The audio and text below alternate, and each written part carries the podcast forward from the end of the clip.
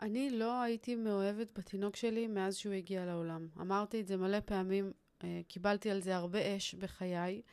לא אהבתי אותו מהשנייה הראשונה, וזה לימד אותי שיעור מאוד חשוב על אהבה באופן כללי. אהבה היא משהו שנוצר כאשר אנחנו נמצאים בקושי, כאשר אנחנו נותנות נתינה אה, אה, שהיא לא מתפשרת, נתינה שהיא לא נוחה, נתינה שהיא לא כיפית. שמה נוצרת אהבה באמת. אחרי שבעה ימים של uh, חולי וחום וצינון והקאות וברונכית ודלקת ריאות ומשאפים, שלא ישנתי בלילות, והיה לי מאוד כואב בלב, כמעט כמו באותם ימים של ההתחלה, אני מרגישה שמשהו קרה באהבה שלי ושל אדם. משהו קרה בתחושות שלנו ובאיך שאנחנו מסתכלים אחת על השנייה בתור אימא ובן היום. אז פרק 150 היה נורא, ובזכות זה התאהבנו. פתיח והתחלנו.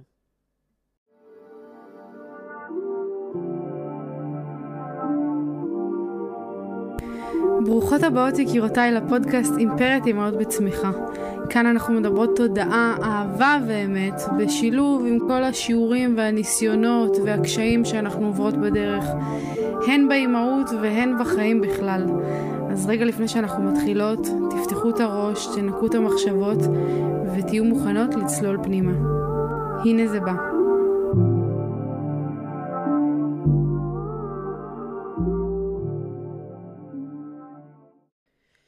כשילדתי את אדם ציפיתי להתאהב בו בצורה מטורפת ובאופן מיידי. ואומנם ב- ביומיים שלושה הראשונים היה באמת קסום, והייתי מלאה בהורמונים וב... לא יודעת, מוצפת ברגשות מטורפים, ובאמת אהבתי אותו ברמות, אבל האופוריה הזאת היא בלבלה אותי וניתקה אותי באיזשהו אופן מהמציאות עצמה, שללדת ילד ולהביא אותו לעולם ולעשות ופתאום להפוך מבן אדם פרטי ויחיד שדואג רק לעצמו בעולם הזה, לדאוג באופן כל כך אבסולוטי לילד אחר, ליצור אחר, לא לקחתי בחשבון כמה הדבר הזה הוא מטורף, כמה הדבר הזה הוא שואב את כל טיפת האנרגיה האחרונה שעוד נשארה לי בגוף אחרי לידה מאוד ארוכה.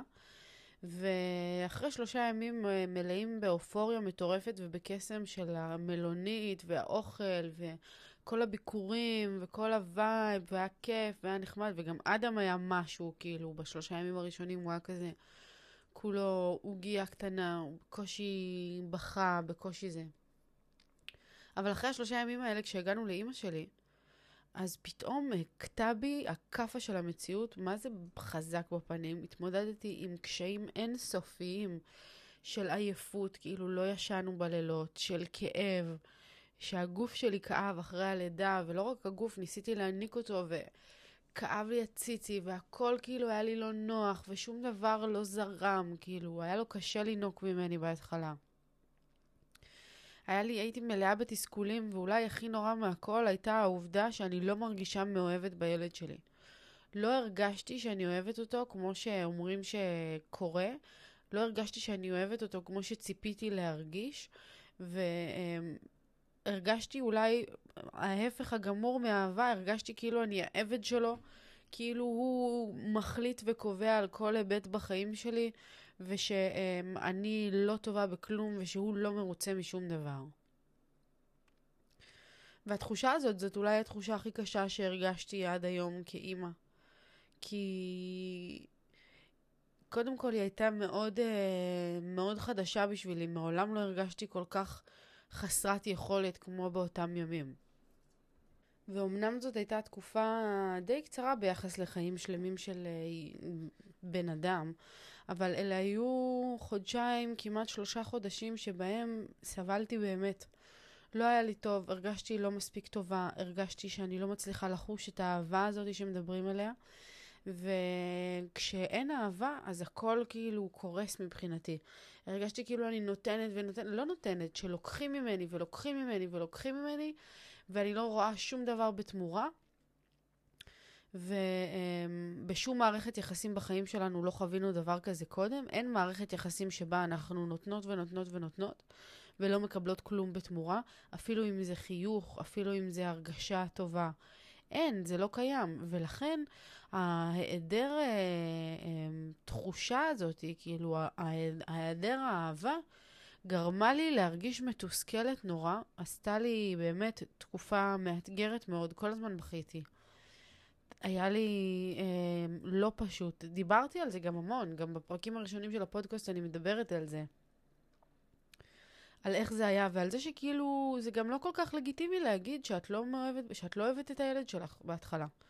את לא אוהבת אותו, וכולם אומרים לי, זה לא שאת לא אוהבת אותו, את לא אולי אה, נהנית ממנו, אבל את כן אוהבת אותו. אי אפשר להתווכח עם הרגשות שלי, לא אהבתי אותו.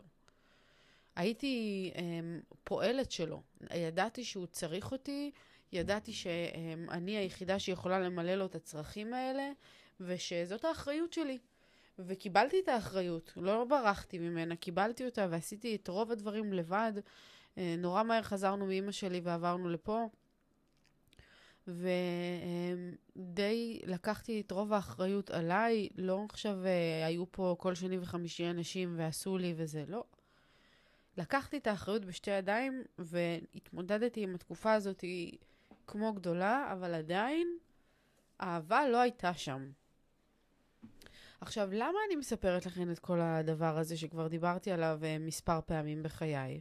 למה אני חוזרת לכל הבכי האינסופי על ההנקה ועל הפחדים שאין לי מספיק חלב ועל הגזים הנוראיים שהיו לו ועל הצרחות אימים שהוא היה צורח פה ועל הקשיים בהירדמות שלו ובשינה וכאילו... למה אני חוזרת לכל הדברים האלה? כי היום אני יודעת להגיד ש... כל הקושי המטורף הזה שחוויתי בהתחלה, הוא זה שייצר לי את האהבה שכל כך חיכיתי לה.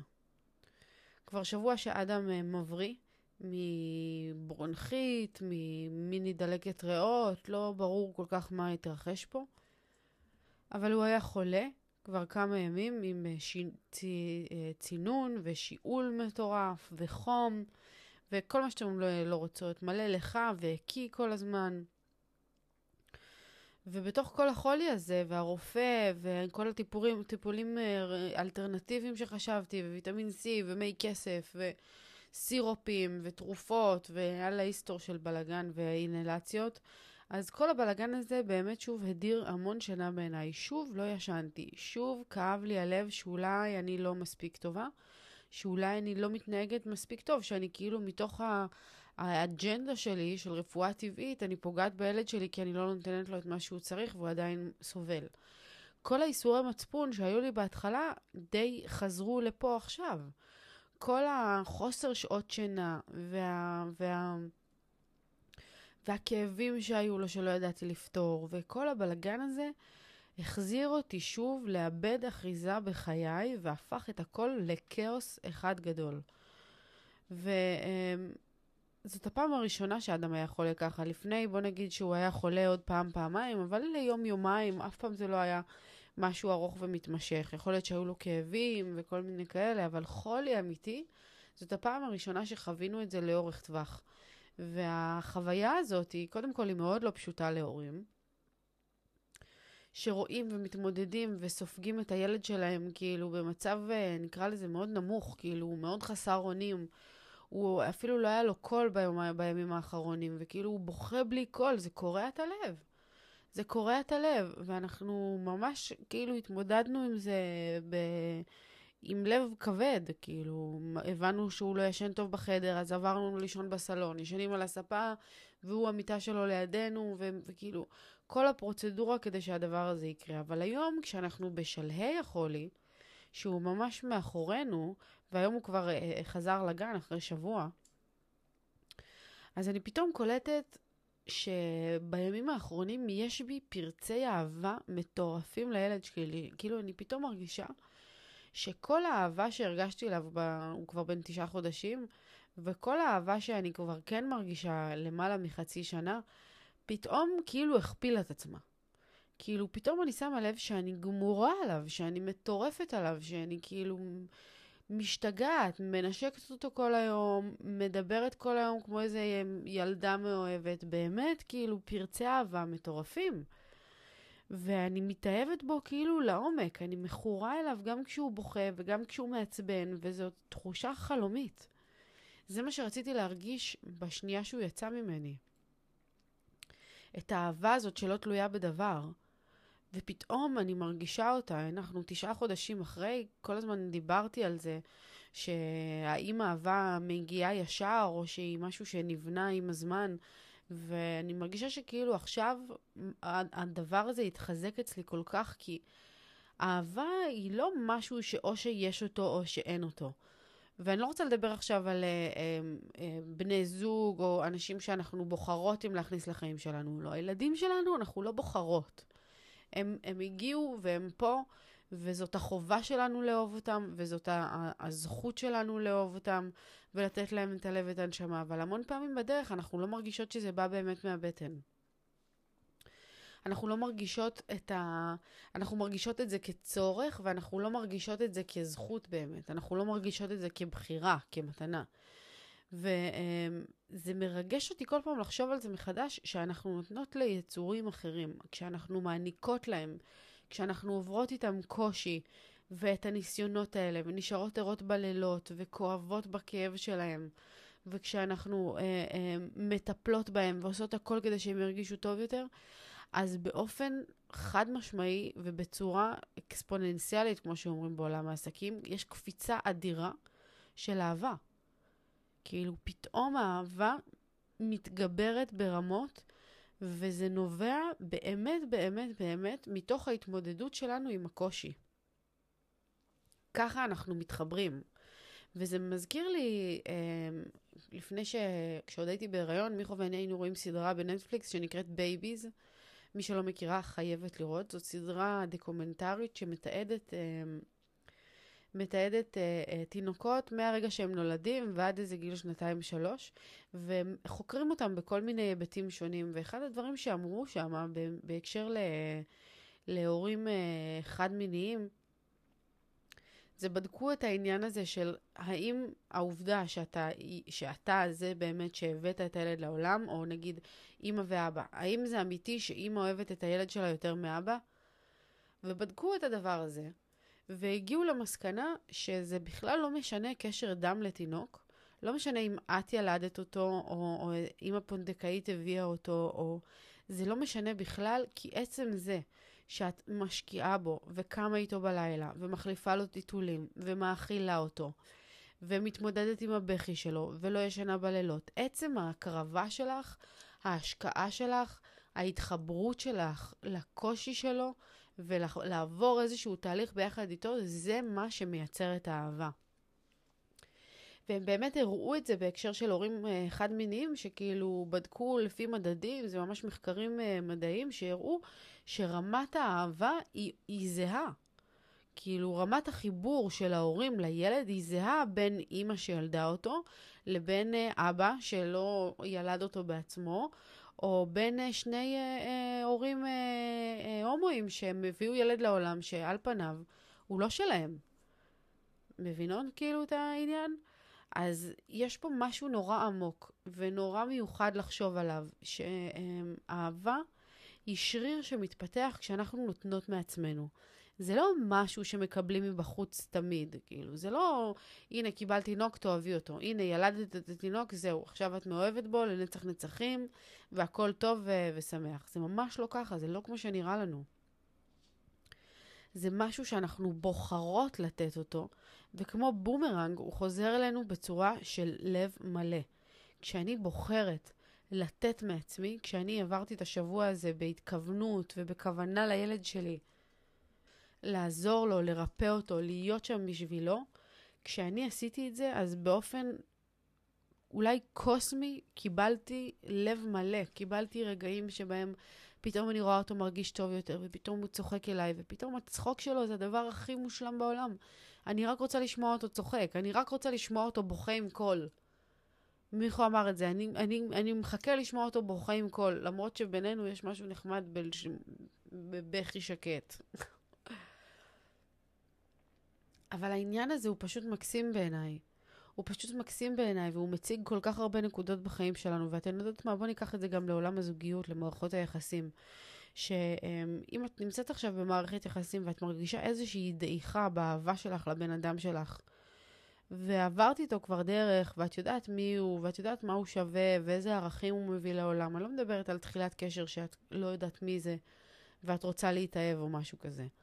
אם כבר את נמצאת בזוגיות ארוכת טווח, ופתאום את לא מצליחה לה, לה, להיזכר באהבה, פתאום את לא מצליחה להגביר אותה, להתלהב ממנה, אז תתני. פשוט תפתחי את הלב שלך ותעשי למען הבן אדם הזה.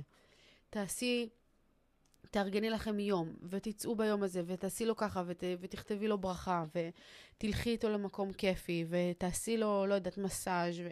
ברגע שאת תתני מעצמך, ברגע שאת תפתחי את הלב שלך ובאמת תתני באהבה גדולה, ולא מתוך איזה צורך, ולא מתוך זה שאת חייבת. תתני כי חשוב לך שיהיה לו טוב, כי חשוב לך שהוא ירגיש טוב.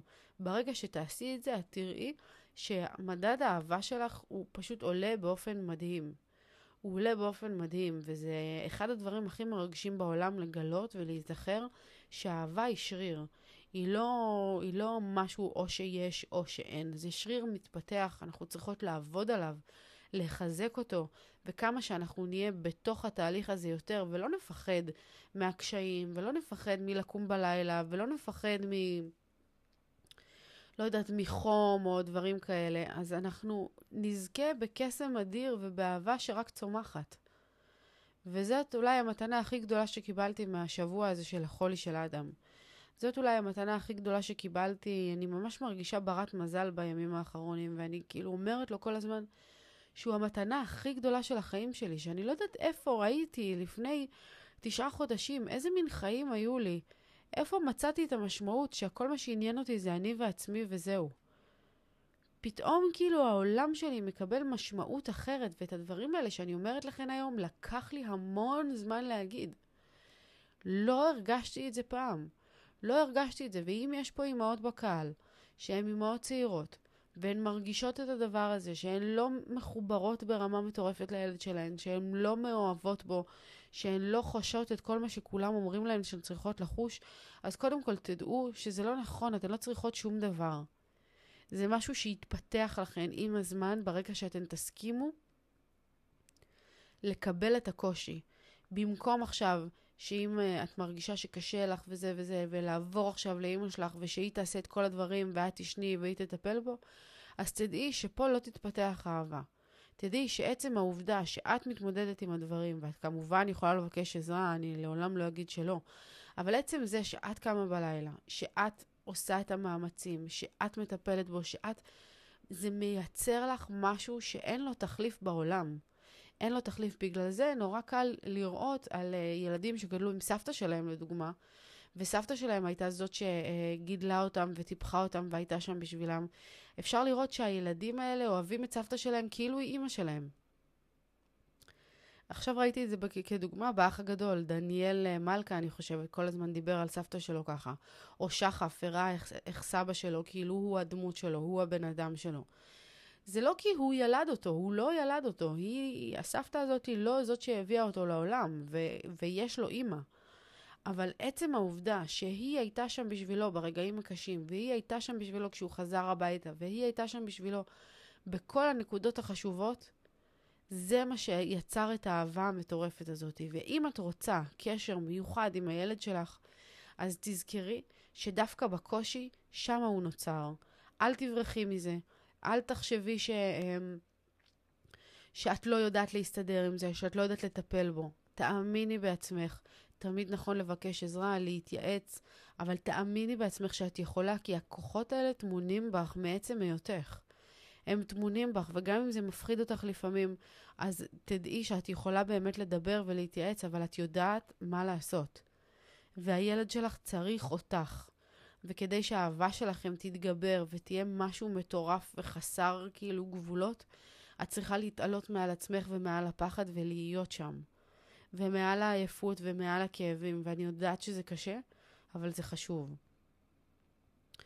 אז באמת, למה אני מספרת לכם את כל הדבר הזה? אחד, כדי להזכיר לכם ולהעיר את תשומת לבכם, ש... אמ, ש...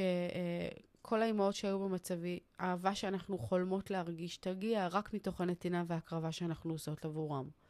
ושתיים, שכדי לקבל אהבה, אנחנו חייבות לתת מעצמנו. אהבה ללא תנאים, אהבה אמיתית וטהורה, מגיעה מתוך האתגרים שאנחנו עוברים עם אותו אדם שנמצא בחיים שלנו, או עם אותו תינוק. זהו, יקירותיי, אמ, אני אוהבת אתכן מאוד. אני מזכירה לכן, כמו בכל פרק, שיכול מאוד להיות שהייתה פה איזה מילה מסוימת, היה פה איזה משפט, היה פה איזה מסר נסתר שאותו הייתן צריכות לשמוע, ולא את כל הפרק. יכול מאוד להיות שאולי זה ה... ה לא יודעת, הסיפור שלי על התוכנית ב, על Babies בנטפליקס, ושאתן צריכות לראות את זה, ופתאום זה יגלה לכן משהו. אנחנו לא יכולות לדעת. אני בטוח לא יכולה לדעת מה היה מבין כל ה-20 דקות האלה של הפרק, מה היה הדבר שאת, שאת שנמצאת בצד השני, היית צריכה לשמוע. אבל את תלמדי לזהות את המסרים בחיים שלך.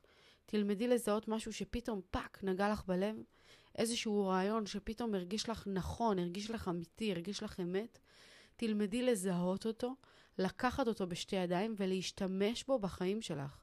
כי מסרים לא מגיעים סתם, הם, הם, הם, הם, הם הם הודעות ישירות מהקדוש ברוך הוא, מהמלאכים ששומרים עלינו, מהיקום, איך שלא תקראי לזה. אבל זה הודעות ישירות שמגיעות משם, והן מגיעות כדי שאת תוכלי לפתור משהו בחיים שלך. איזשהו קושי, איזשהו אתגר, איזושהי שאלה. אז תעשי את זה באמונה שלמה, ותעבירי את הפרק הזה לעוד מישהי שחייבת לשמוע את זה.